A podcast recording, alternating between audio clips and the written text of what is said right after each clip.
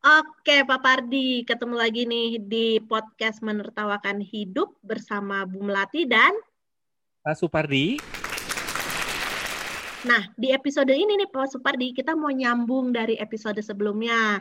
Kan mm. uh, saya sempat tanya nih ke Pak Pardi kan, tapi mm. belum dijawab. Nah, sekarang waktunya Pak Pardi ngejawab nih. Jadi gimana Pak Pardi?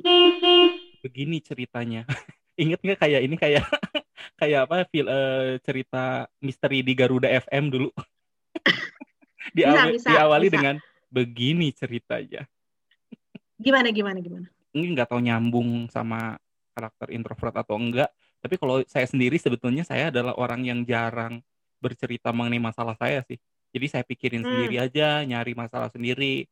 Kalaupun misalnya ada yang butuh nanya banget, nanya sendiri. Hmm. Kalaupun mau nanya ke temen, itu tuh kayak saya nggak menceritakan Milih. secara spesifik ya. dan saya milih teman dan saya pun nggak akan cerita secara spesifik menurut kamu kayak gini kayak gini. Tapi dia juga nggak nggak nggak tahu. Saya saya nggak tahu ya orang-orang orang-orang introvert apakah melakukan hal yang sama atau yang enggak. Tapi yang saya perhatikan adalah eh, biasanya orang-orang suka banyak minta pendapat gitu sama saya. Soalnya kan saya suka kayak ngelamun terus kayaknya sih kayak gini. Walaupun saya juga nggak tahu pendapat saya kan mungkin sampah juga saya juga kan tahu. Hmm. tapi orang kayak nyaman gitu kalau ngobrol. Jadi kadang-kadang saya ngerasa hmm, ya uh, kita temenan sih tapi saya nggak menyangka kita sedekat itu gitu. Tiba-tiba ada temen cerita hal yang beneran apa personal banget gitu. Saya juga jadi oh ini kenapa ya orang-orang cerita hal personal? Walaupun mungkin saya nggak cerita hal personal juga sama dia tapi ya nggak apa-apa saya hmm. dengerin aja gitu kan.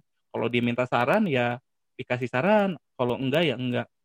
Kadang-kadang apa ini ya kalau di geng ADC mungkin saya ini Alia kali ya.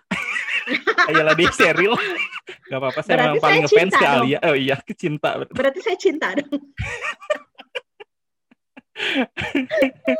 Tapi eh, iya. tapi ya ya itu tadi yang saya bilang emang si ekstrovert cinta itu cocok loh kan sama Alia. Bener nggak? Iya bener bener. Yang, yang suka suka ceritanya sama dia gitu kan Iya kan? Betul. Bener, nah, bener. nah itu kan bisa bisa dilihat gitu karena kayak itu istilahnya jadinya kayak gini. Justru kalau misalnya kita ketemu sama yang beda tipe, hmm. justru kita tuh sebenarnya lebih istilahnya si beda tipe itu akan menjadi remnya kita biar nggak terlalu bablas gitu istilahnya ah. si ekstrovert. Kalau ekstrovert udah ngumpul sama ekstrovert itu tuh nggak bisa direm. ini percaya atau enggak? Ekstrovert sama se ekstrovert ini kalau ketemu bisa seharian, seharian. Oh, oh my god kalian nggak bisa stop.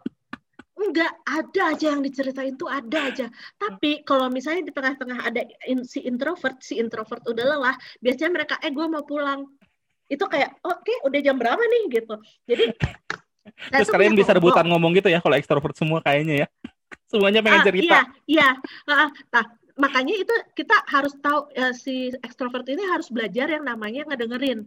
Ngedengerin. Hmm kita tuh harus ngedengerin dan harus coba banget biar nggak mutus mutus hmm. orang lagi ngomong apa, motong hmm. orang lagi ngomong apa karena karena itu uh, kalau ekstrovert ekstrovert berkumpul itu tuh sering hmm. putus-putusan.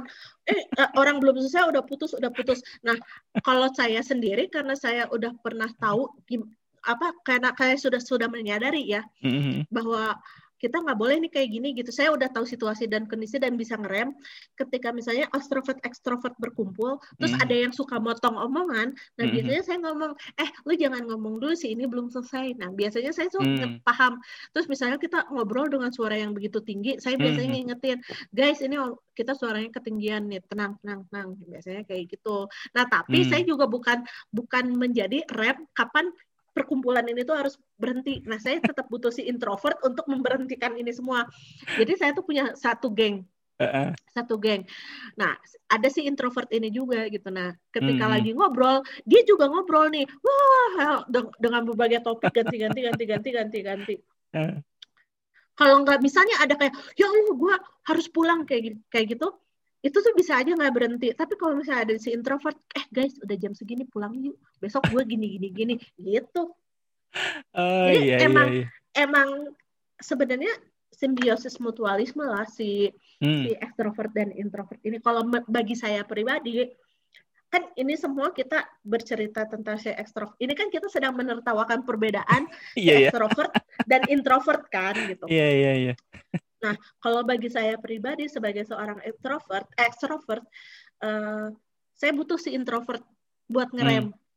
Tapi oh. karena mungkin tapi saya nggak tahu nih ekstrovert di luar sana apakah mempunyai pola pikir yang sama dengan saya karena yeah. itu tadi si ekstrovert tuh nggak bisa ngerem coy nggak oh. bisa ngerem tapi tapi gini si ekstrovert walaupun nggak bisa ngerem tapi si ekstrovert itu juga tetap punya emosi coy Hmm. Itu yang kadang-kadang orang lupa. Ekstrovert tuh bisa sedih. Hmm, ya juga. Oh, bener banget tuh. Kalau orang yang Ekstro... selalu bikin ketawa di geng itu kita menganggap hidupnya bahagia banget. Eh, bener juga ya, ya dia. Iya. Jadi jadi jadi pernah ini ini ada cerita ya. Hmm, gimana? Uh, saya tuh kan senang posting di IG. Hmm. Karena ketika saya lagi sendirian saya posting di IG dan ada yang komen atau ada yang kayak gimana, itu saya senang. Ngerti nggak? Hmm, hmm, hmm. Jadi IG itu dijadikan sebuah satu media komunikasi saya dengan dunia luar, entah hmm. itu dengan teman-teman lama, entah, entah itu dengan kawan-kawan lama gitu. Terus hmm. saya juga anaknya senang bercerita gitu. Saya tuh hmm. anaknya senang banget bercerita. Jadi kalau misalnya IG saya itu bukan hanya sekedar pamer foto, tapi saya juga bercerita di balik foto ini tuh apa. Kadang hmm. foto sama caption gak nyambung, tapi saya bercerita di bagian captionnya gitu. Itu saya hmm. sering banget di IG. Nah, tapi saya tuh selalu mem memposting hal-hal yang bahagia, hal-hal yang menyenangkan. Karena hmm. dulu dulu tuh saya pernah punya ini. Ini nggak tahu ya apakah semua ekstrovert punya pemikiran yang sama sama saya. Dulu tuh tiba-tiba terlintas sebuah kalimat kayak gini. Biarkan dunia tertawa bersama saya, tapi hmm. jangan sampai dunia uh, bersedih bersama saya. Paham nggak? Sedap. Eh martir jadi, demi kebahagiaan dunia gini eh. iya, jadi ketika saya lagi merasa sedih, ya udah saya simpan sendiri aja gitu. Ah. Wah, tapi saya akan misalnya kalau lagi saya sedih banget, saya tuh akan coba untuk bagi tapi hanya teman-teman yang yang dekat aja gitu ya. ya. Uh, nah, tapi lama-lama itu tuh jadi melelahkan diri saya sendiri gitu. Hmm. Ternyata kalimat yang saya bikin itu tuh membuat saya lelah, lelah sendiri. Hmm. Uh, karena satu banyak banget orang yang iri oh. banyak banget orang yang iri sama sama saya gitu gara-gara kelihatannya saya tuh hidupnya bahagia bahagia aja orang ini tuh nggak tahu saya suka nangis sendirian uh, gitu tuh nggak uh. ada yang ah. tahu karena ya itu tadi prinsip biarkan si dunia tertawa bersama saya tapi jangan sampai dunia bersedih bersama saya gitu nah hmm. uh, itu tuh banyak banget yang iri terus kayak enak ya kamu hidupnya nggak nggak pernah susah nggak pernah apa. Terus da, terus akhirnya tuh saya mikir ya terus tapi kalau saya uh, ya lagi-lagi kan si ekstrovert ya saya tuh bisa langsung ngomong sama orang yang ngomongin saya itu gitu. Oh langsung Kamu dikonfrontasi ngeliat, gitu ya? Bisa bisa bisa oh. banget kalau orang ekstrovert tuh bisa banget. Uh, apa namanya saya bilang aja sama dia kamu tahu nggak? Kamu tahu nggak kalau saya tuh suka nangis misalnya sendirian hmm, hmm, malam-malam hmm, kamu tahu nggak ketika kamu bisa deal sama diri kamu yang sendirian, aku tuh nggak mm -hmm. bisa. Itu tuh aku sedih banget gitu. Mm -hmm. Terus hmm, hmm. misalnya uh, aku tuh mencari kebahagiaan aku karena aku orangnya mencari kebahagiaan, nggak cuma terima-terima aja gitu. Jadi mm -hmm. mungkin itu yang uh, ada aku punya usaha untuk membuat hidup aku bahagia, mungkin kamu tidak punya usaha untuk membuat diri kamu tidak bahagia gitu. Jadi uh, apa ya? Akhirnya aku pernah bikin satu postingan sih sebenarnya karena hmm. ya itu tadi karena media sosial itu adalah salah satu uh, media yang bisa orang lain tuh tahu kondisi aku karena aku orangnya suka bercerita ya. Hmm, ya hmm, lagi-lagi hmm. si ekstrovert, si hmm, ekstrovert ini juga nggak peduli orang mau tahu atau enggak sama kehidupan kita. Misalnya kita mau posting, ya udah, gue seneng gitu, gitu nggak peduli. Mau ada yang mau ada yang komen, mewaro, aku mau ada yang komen, mau ada yang suka, mau ada yang nggak suka juga nggak peduli. Yang penting kita menyalurkan apa yang ada di dalam kepala gitu. Nah, waktu itu saya pernah bikin bikin uh, postingan kayak gini porsi bahagia porsi orang hidup tuh porsi bahagia orang hidup tuh beda-beda. Ada yang gimana ya? Kadang si orang yang bahagia itu bisa sedih, kadang orang yang sedih juga bisa bahagia. Itu gimana cara kita ngaturnya aja gitu. Tapi hmm, lagi hmm. lagi itu juga setelah saya tahu dan saya punya pengalaman hidup kayak gitu. Hmm. Jadi kita hmm. juga bisa oh iya ya ternyata aku tuh nggak bisa menunjukkan bahwa aku tuh terus-terusan bahagia ke orang lain gitu. Orang lain juga hmm. harus tahu nih ternyata gue bisa sedih gitu. Makanya kadang-kadang kalau misalnya ada sebuah kejadian yang benar-benar bikin aku sedih, aku posting lah di sosial media. Biar apa? Biar orang tuh nggak nggak nggak melulu ngelihat aku tuh orang yang bahagia terus-menerus. Hmm. Dan orang tuh kan selalu ngelihatnya aku tuh orang yang berhasil gitu. Aku tuh hmm. pernah pernah posting juga, aku pernah ceritain juga di media sosial. Aku aku tuh nggak lulus sidang tesis. oh. Itu aku tulis, aku oh. tulis biar dan dan hebatnya si extrovert tuh nggak pernah malu. Hmm. Misalnya kita hmm. gagal, gue hmm, gagal hmm. nih, kayak hmm. waktu itu aku uh, gagal sidang tesis gara-gara hmm. ada satu dan dua lain hal. Tapi alhamdulillah lulus. Gagal hmm. sidang tapi bisa ada sidang lanjut apa ya? Uh -uh. Sidang lanjutan lah. Iya, yeah, iya. Yeah. Tapi bukan karena aku nggak kompeten misalnya kayak gitu ya. Hmm. Nah, itu aku ceritain, aku ceritain. Aku tuh ekstrovert itu bisa menceritakan apa isi hatinya. Hmm. Ibarat nih, kita patah hati.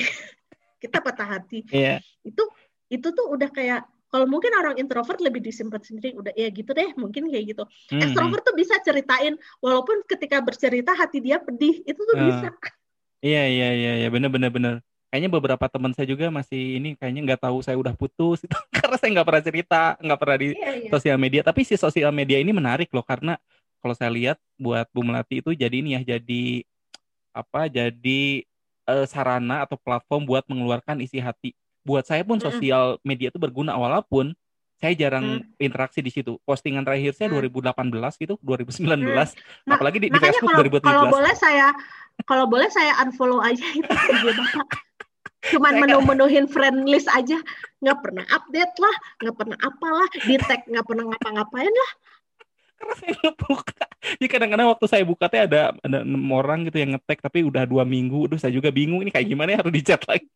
Tapi si sosmed ini buat saya pribadi ya walaupun saya tidak menggunakan untuk mengeluarkan apa perasaan dan hidup saya tapi sosial media ini berguna buat kami para introvert. Buat apa itu tuh sosial media itu membangun apa membantu kita ngejalin hubungan dengan ya, orang betul. lain tapi nggak personal dan nggak intens jadi contohnya nih ketika Bu Melati lulus misalnya saya kebetulan lagi buka, weh ternyata Bu Melati lulus, selamat ya. Kalau ya. nggak ada sosial media, saya nggak nggak tahu Bu Melati udah lulus, udah menikah, lagi patah hati, lagi saya saya nggak tahu apa-apa karena saya nggak nyari tahu juga. Begitu ya, juga ya. teman-teman yang lain ada ada, oh dia udah punya anak lagi, oh ternyata dia kemarin sekolah lagi gitu kan. Dan saya nggak tahu kalau saya nggak punya sosial media, jadi orang menyangka oh ini Pak Supardi nggak berguna sosial medianya ya mungkin kalau kalian pengen lihat hidup saya nggak berguna tapi saya yang lihat hidup kalian mau berguna. Soalnya oh saya dapat update jadi. Tapi teman-teman saya itu ada juga sama kayak Pak Pardi itu cewek ya. Nah dia itu dulu suka posting sosial media tapi lama kelamaan dia malas. Mm-hmm. nah terus dia tuh ngomong hal yang sama sama Pak Pardi. Sosmed uh. itu cuma buat aku tuh cuma buat aku tahu teman-teman aku gitu kabar teman-teman aku gitu jadi yeah, yeah, yeah. sama banget sama Papa Pardi dan dia juga introvert. Nah aku tuh nyambung banget sama si teman aku yang ini. Jadi gini, hmm. aku tuh orangnya ngomong bisa bla bla bla bla bla bla. Dia hmm. tuh cuma nanggepinnya hmm, hmm. hmm gitu. Tapi ya aku emang butuh orang yang kayak gitu gitu. Yeah. Enggak enggak karena enggak selamanya aku tuh butuh orang yang kayak uh, saut-sautan saut-sautan terus karena sebenarnya energinya juga kita tuh capek cuman kita seneng kan jadi kayak nggak bisa di stop gitu. Nah sementara kok sama si sobat aku yang ini tuh anaknya introvert banget. Jadi kalau misalnya kita pergi-pergian itu tuh cocok banget gitu. Akunya hmm. cerita dia nggak dengerin gitu dia nggak hmm. dengerin gitu. Dan dia nggak pernah cerita tentang hidup dia kecuali dia emang lagi mau cerita gitu. Dan atau enggak saya tanya dia hmm. baru cerita kayak gitu. Terus kayak eh, kok kamu nggak cerita sih buat apa aku cerita? katanya kayak gitu. Kan kamu nggak nanya. Oh iya ya gitu. Ngerti nggak? Tapi karena saya saya sering berteman dengan saya juga orangnya menerima perbedaannya. Jadi saya juga hmm. berteman dengan si orang introvert ini. Jadi saya bisa tahu itulah mungkin saya bisa melatih uh, kepekaan saya ya ketika si orang ini mm-hmm. oh ini nggak mau ini lagi mau. Karena mm-hmm. ketika saya pergi sama si teman saya yang introvert ini tuh sobat banget sobat banget. Mm-hmm. uh, kita satu hotel nih. Mm-hmm saya tuh bisa asik sendiri ngapain gitu ya. Hmm. Dia diem doang di kasur. Paham nggak? iya, iya iya iya saya suka kayak gitu juga soalnya. Tapi tapi akhirnya karena dia nggak bisa diajak asik ya saya asik sendiri, paham nggak? Iya. iya, iya saya asik yeah, sendiri ngapain sendiri apa bolak balik bolak balik gitu hmm. uh, jadi saya asik sendiri dia asik sendiri nah tapi hal itu tuh jadi akhirnya bisa jadi kayak gatekeeper ya si extrovert sih iya, pada iya, akhirnya tapi, gitu ini masalah-masalah belum masalah ini ya misalnya ada dua orang temenan nih kayak tadi Bu hmm. Melati temenan suka cerita hmm. nah si temen hmm. introvert ini nggak cerita itu tuh jangan dianggap bahwa mungkin bisa aja ya wah dia nggak nggak rasa saya teman dekatnya kali ya kayak gitu nah. masa nggak cerita jangan, jangan ngerasa kayak gitu nih saya kasih Betul. perspektif dari orang yang introvert Jadi itu tuh nothing personal. Itu tuh nggak ada hubungannya dengan kedekatan kita. Itu tuh hmm. beneran hmm. Masalah yang ada di dalam kepala dan hati saya. Itu tuh cuman ya ini waktunya belum pas. Saya pengen apa misalnya pengen nyelesain dulu sendiri. Nanti juga ada hmm. satu titik saya bakalan cerita. Kalau saya sudah nyaman dengan diri saya sendiri ya. Jadi ketika misalnya hmm suka ada juga soalnya ada yang pernah nanya saya kok suka nanya eh, suka cerita hal yang personal gitu tapi saya kayaknya tapi kayaknya kamu kalau ditanya cuman jawabnya hal-hal general itu artinya saya belum nyaman untuk uh, cerita itu bahkan mungkin jangankan ke kamu ke orang tua sendiri mungkin saya belum cerita jadi jangan dianggap hmm. oh ini mah kok dia nggak nggak ini ya nggak ngerasa saya temenan gitu jangan itu tuh beneran yeah. karena itu permasalahan pribadi kami lah dengan karakter kami yang aneh ini gitu uh, nah terus uh, si ekstrovert ini juga mestinya harus ini ya uh, harus apa ya uh, kita juga kayak gak boleh baperan sih sebenarnya hmm. tapi ini untuk semua maupun introvert ataupun hmm. ekstrovert ya tapi kayaknya lebih banyak ke si ekstrovert misal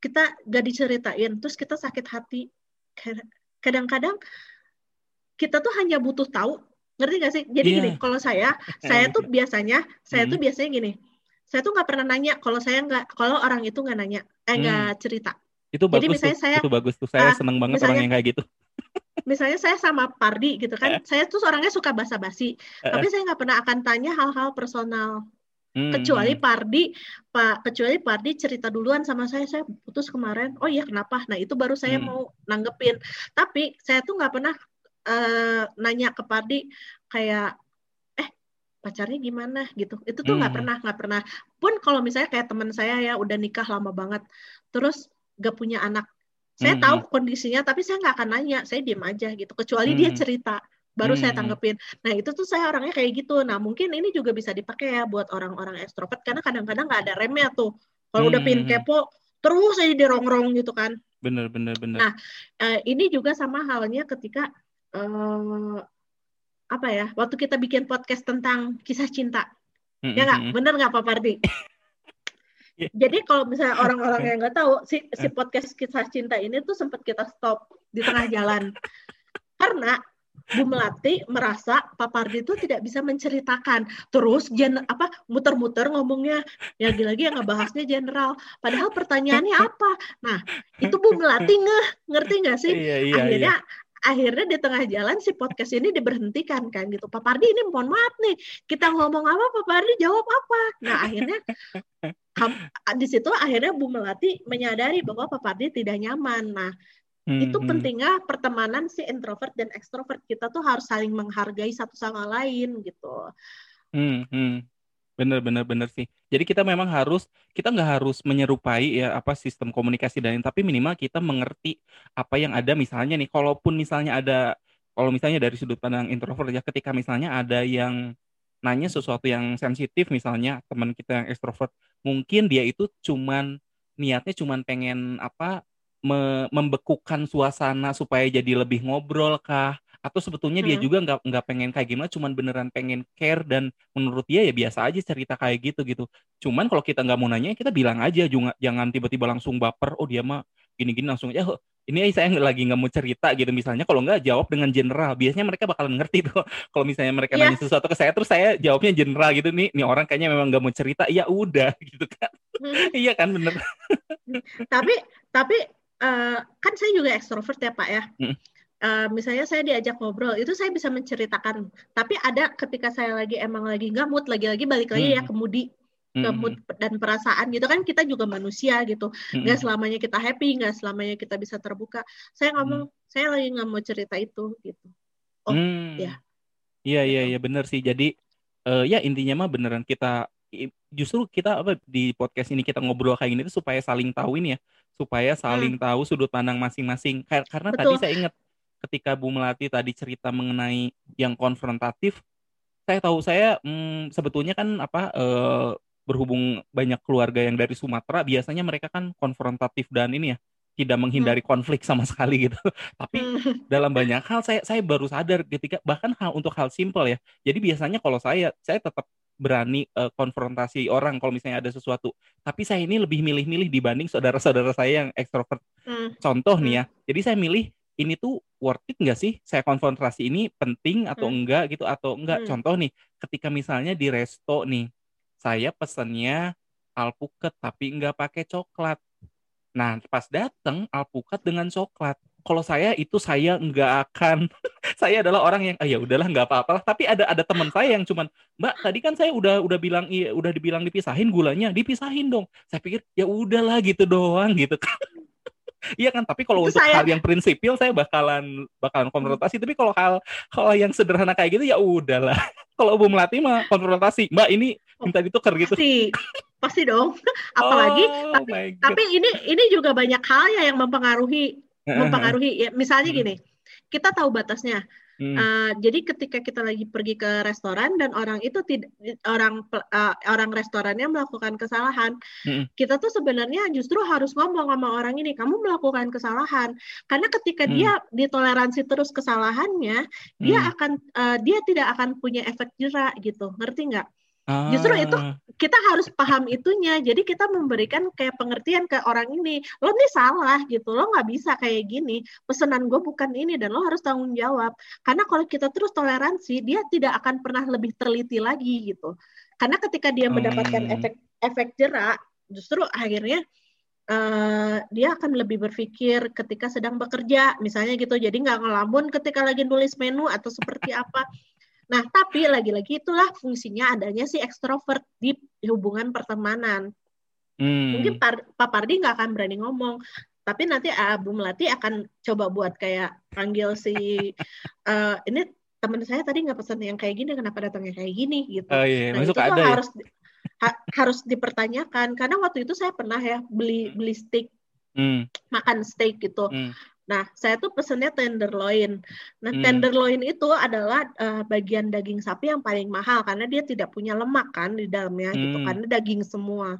Hmm. Saya pesan itu di salah satu restoran uh, steak yang cukup terkenal, harganya mahal gitu. Hmm. hmm. Datang-datang, yang datang tuh bukan tenderloin tapi bagian ini apa? bahu bahu sapi Hmm, saya tahunya selain nah. tenderloin, nah, sirloin biasanya suka berjejer biasanya di buku menu. Walaupun iya, ini bedanya nah, apa ya?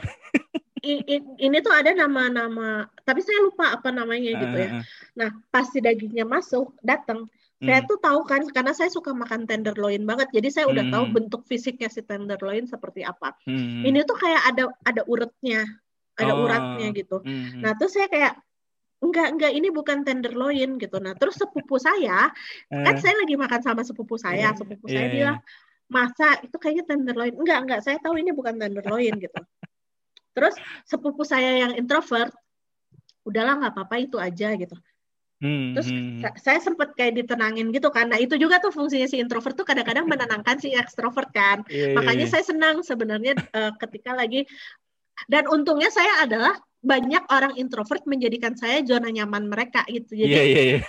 Jadi kalau untuk saya pribadi, saya merasa diuntungkan gitu. Nah, hmm, terus si hmm. saudara hmm. saya ini bilang, udah nggak apa-apa. Nah, ketika mau makan, itu tiba-tiba, mungkin ini juga pengaruh hal lain, bukan karena saya ekstrovert aja. Hmm. Pertama, mungkin saya ekstrovert. Kedua, uh, ini ya uh, orang timur orang timur. timur. Tapi ini bukan stereotip ya, iya, tapi bukan. biasanya kan kalau Di lingkungan orang budaya timur, kita dibesarkan lah ya. Iya kan ngaruh kan, uh, walaupun saya walaupun, dari Sumatera kayak gitu kan. Uh, uh, mm -mm. karena karena ya mungkin emang darahnya panas aja kali ya gitu. Saya nggak bisa saya nggak bisa mendiamkan uh -uh. hal yang tidak benar gitu gitu. Oke. Okay. Tapi nggak tahu ini ini berdasarkan berdasarkan pengalaman pribadi uh, lah pengalaman mm-hmm. berdasarkan saya berasal dari mana saya nggak tahu tapi saya mm-hmm. merasa ya mungkin karena saya dari daerah timur gitu ya ada kemungkinan ada kemungkinan gitu kan nggak bisa nggak bisa nggak bisa karena gue oh. sebel ngelihat ngelihat si dagingnya ada uratnya pertama oh. satu itu yang uh. kedua saya datang ke restoran yang mahal Hmm, saya bayar mahal dan yeah. saya mampu untuk bayar mahal. Kenapa hmm. saya tidak dilayani dengan baik gitu? Hmm. Saya panggil akhirnya tuh si pelayan datang uh, uh, tadinya tuh saya sudah sempat komplain tapi akhirnya hmm. sama saudara saya ditenangin kan hmm. hmm, hmm. akhirnya uh, tapi yang datang tuh pas saya komplain pertama itu yang datang bukan pelayan yang ngelayanin saya tapi orang lain oh, okay. pelayan juga tapi bukan yang ngelayanin saya sebelumnya hmm. terus saya pas saya nanya ini pesanan saya bukan ini, tapi di di dalam sistem kami pesanannya ini gitu. Terus hmm, hmm. Terus teman saya biasanya kan introvert mah anti ini anti konflik ya. Iya, kita menghindari sebisa mungkin. Menghindari, kita bisa konflik kan? tapi kita menghindari sebisa mungkin. Iya. Nah, terus si si teman saya ini bilang kayak gini, e, udahlah, gak apa-apa, gak apa-apa, udah gak apa-apa itu aja gitu. Hmm, nah, tapi pas saya tuh rada nggak terima karena tadi hmm. itu ya saya saya tuh datang ke sini pengen makan enak dan saya mau bayar hmm, hmm mahal hmm, gitu. Hmm. Akhirnya saya berdiri saya tunjuk itu pelayan yang oh tadi ngelayanin oh saya. God. Bikin scene di resto. Iya.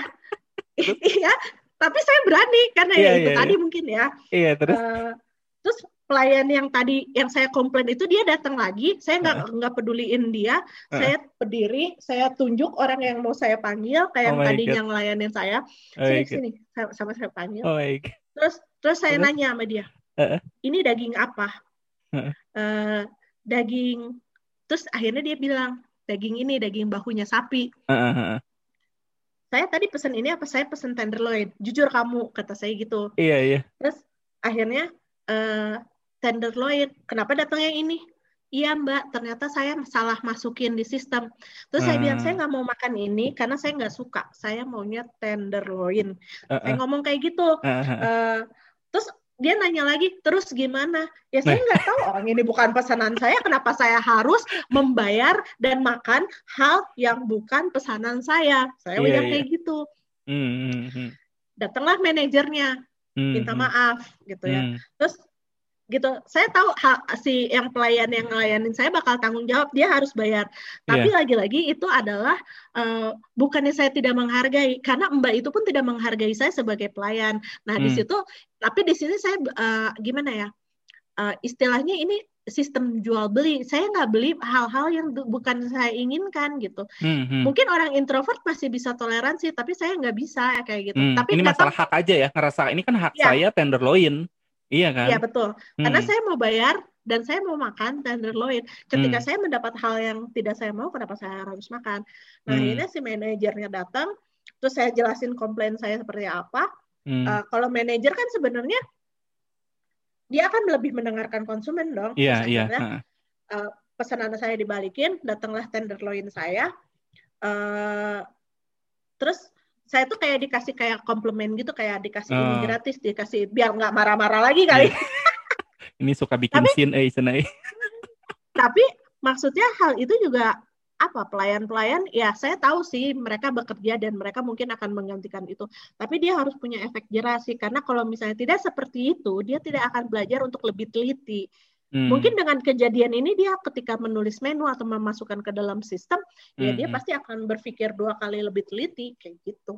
Iya iya iya. Itu itu benar sih. Jadi kalau kalau buat saya pun itu itu beneran apa beneran hak 100% sih mau untuk mau ngambil ya. Di luar hmm. saya bakalan bertindak yang sama atau enggak ya tapi itu ya wajar gitu karena itu memang bayarnya udah mahal pas datang enggak gitu kan terus si mbaknya juga mungkin enggak langsung kan bakalan lebih enak kalau maaf tadi saya masukin menunya salah ya. di di iya ya kan di luar hmm. uh, Bu Melati mau atau enggak minimal dia langsung ini ya langsung hmm. ngaku di awal mungkin bisa beda ya ininya ujungnya yeah. gitu ya jadi yeah. ya saya saya ngerti sih walaupun mungkin kalau kebanyakan uh, ini introvert ada kemungkinan kayak gitu juga sih kita apa lihat situasinya lihat harganya juga lihat suasananya juga kayak gitu sih cuman eh, apa jadi saya pun ngerti sih kenapa apa kenapa ngambil kayak gitu bahkan ya sebetulnya sebagai orang introvert kalau saya ngelihat ya si si dua dua kutub ini gitu ya ekstrovert dan introvert masing-masing itu kayak mengagumi satu sisi hal yang kita nggak punya. Contohnya nih ya kalau saya pikir oh iya bener ya kalau kayak gitu harus lebih berani. Di luar saya bakal ngelakuin hal yang enggak ya. Contoh kecil aja ya saya saya walaupun orang banyak menyangka saya ramah terus sosial skillnya bagus gitu tapi di beberapa situasi saya itu beneran beneran saya bingung dan butuh orang ekstrovert. Contoh nih ya contoh paling paling simpel yang saya selalu berulang ketika kita menengok orang yang sakit. Jadi kalau kita nongkrong di kafe, saya sih bisa rame. Tapi ketika nengok orang sakit, saya tuh bingung. Saya tuh harus ngapain maksudnya? Apakah diajak hmm. bercanda? Apakah saya harus serius?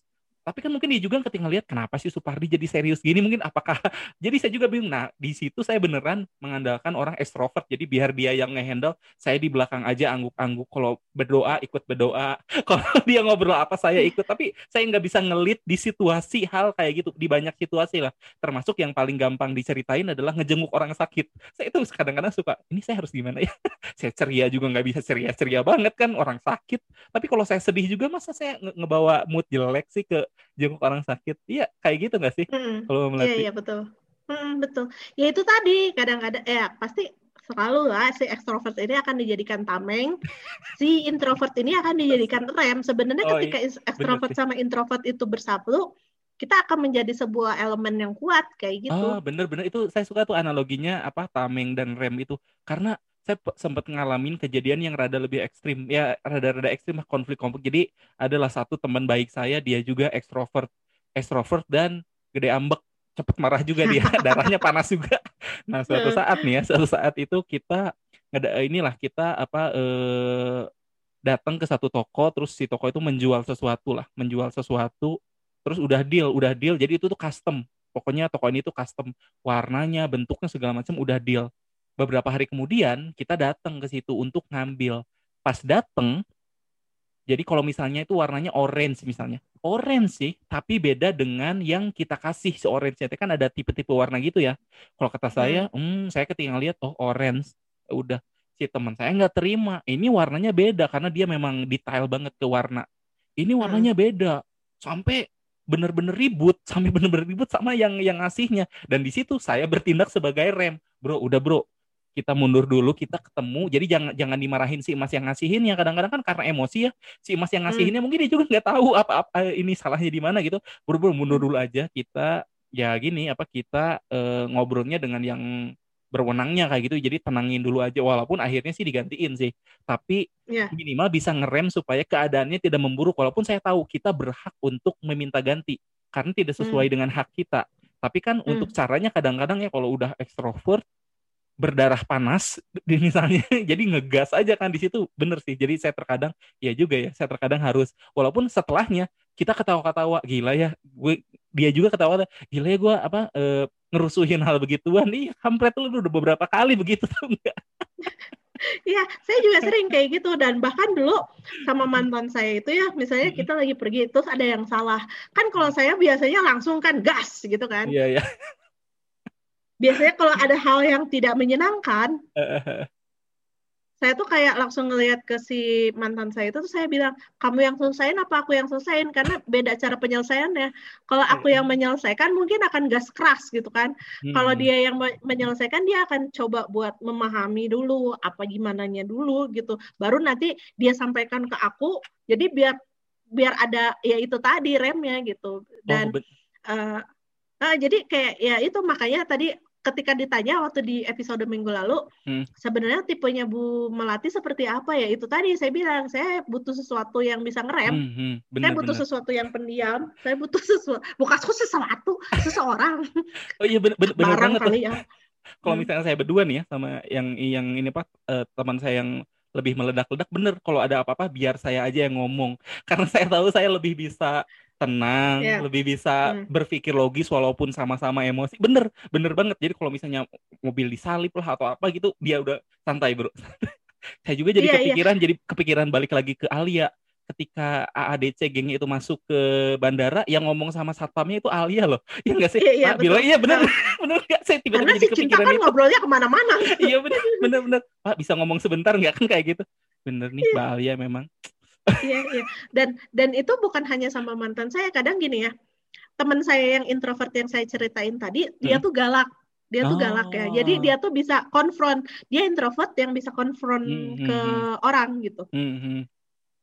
tapi aku suka bilang dia galak tapi hmm. galaknya aku sama galaknya dia beda, beda. galaknya dia pedas galaknya aku menakutkan. Meledak-ledak ya. Iya, iya, iya, iya. Jadi, dia lebih dingin, jadi, tenang, tapi kita tahu dia lagi marah. Iya, iya, iya. Nah, kalau aku orang kan ngelihatnya masih bisa ketawa-ketawa, tapi sekalinya mm -hmm. aku marah, pecah gitu, ngerti gak sih? Bahkan yeah, yeah, yeah. yang yang yang si teman aku aja bisa kalah galaknya gitu. Mm. Tapi makanya dia tameng pertama. Jadi Bener. biasanya kalau lagi pergi sama dia, dia tuh tameng pertama. Nggak hmm. ngaruh, gue masuk lah langsung sikat. kalau di nego nggak bisa, ini ada yang galak di belakang nih, bapak lebih baik yeah. selesaikan dengan saya. Sebelum dia maju lihat dia dari belakang udah ngos-ngosan, udah udah siap buat ngegas. Tapi ya itu namanya live ya.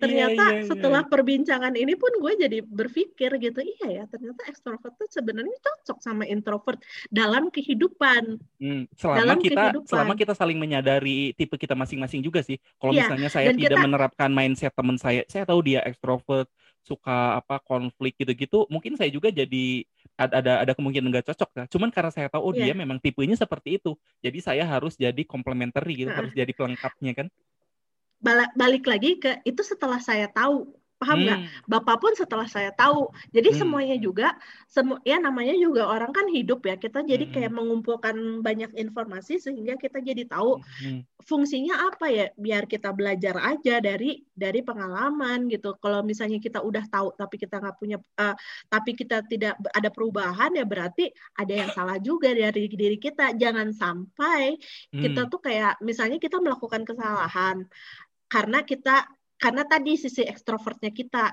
mm-hmm. ya nggak apa-apa gue kan ekstrovert nah nggak bisa kayak benar, gitu benar, gitu benar. karena kita juga harus harus apa ya kita jangan juga dijustifikasi harus saya kalau ya. misalnya saya nggak nggak kok kamu nggak ngajak ngobrol sama adik aku sih oh saya memang introvert ya kagak bisa kalau saya mau ngelamar sama lu ya saya harus ngobrol sama adiknya ya nggak ya. sih jangan dijadikan betul, betul. pembenaran tapi ha, harus betul. dimanfaatkan keunggulannya gitu kan iya betul betul banget itu setuju sih gitu. Jadi sebenarnya perbedaan ini tuh lucu gitu. Makanya Cuman ditertawakan kayak, ya. Iya makanya ditertawakan. Tapi ya lagi itu tadi balik lagi ternyata emang simbiosis mutualisme aja saling menguntungkan satu sama lain gitu. Nah uh, seru banget nih Pak Pardi obrolan bener, kita bener. serius serius tapi santai. Bener bener serius Sampai nggak kerasa ya seperti biasa kita mah nggak bisa ditahan 40 menit sampai pada akhirnya pun si platform ini juga sudah memberikan kita kayak akses lebih iya. selalu dari 40 menit secara gratis. Bener. Bener-bener saya pikir ini obrolan kita bakalan nih lo bakalan bakalan karena ketika berpikir ntar minggu depan kita ngomongin apa?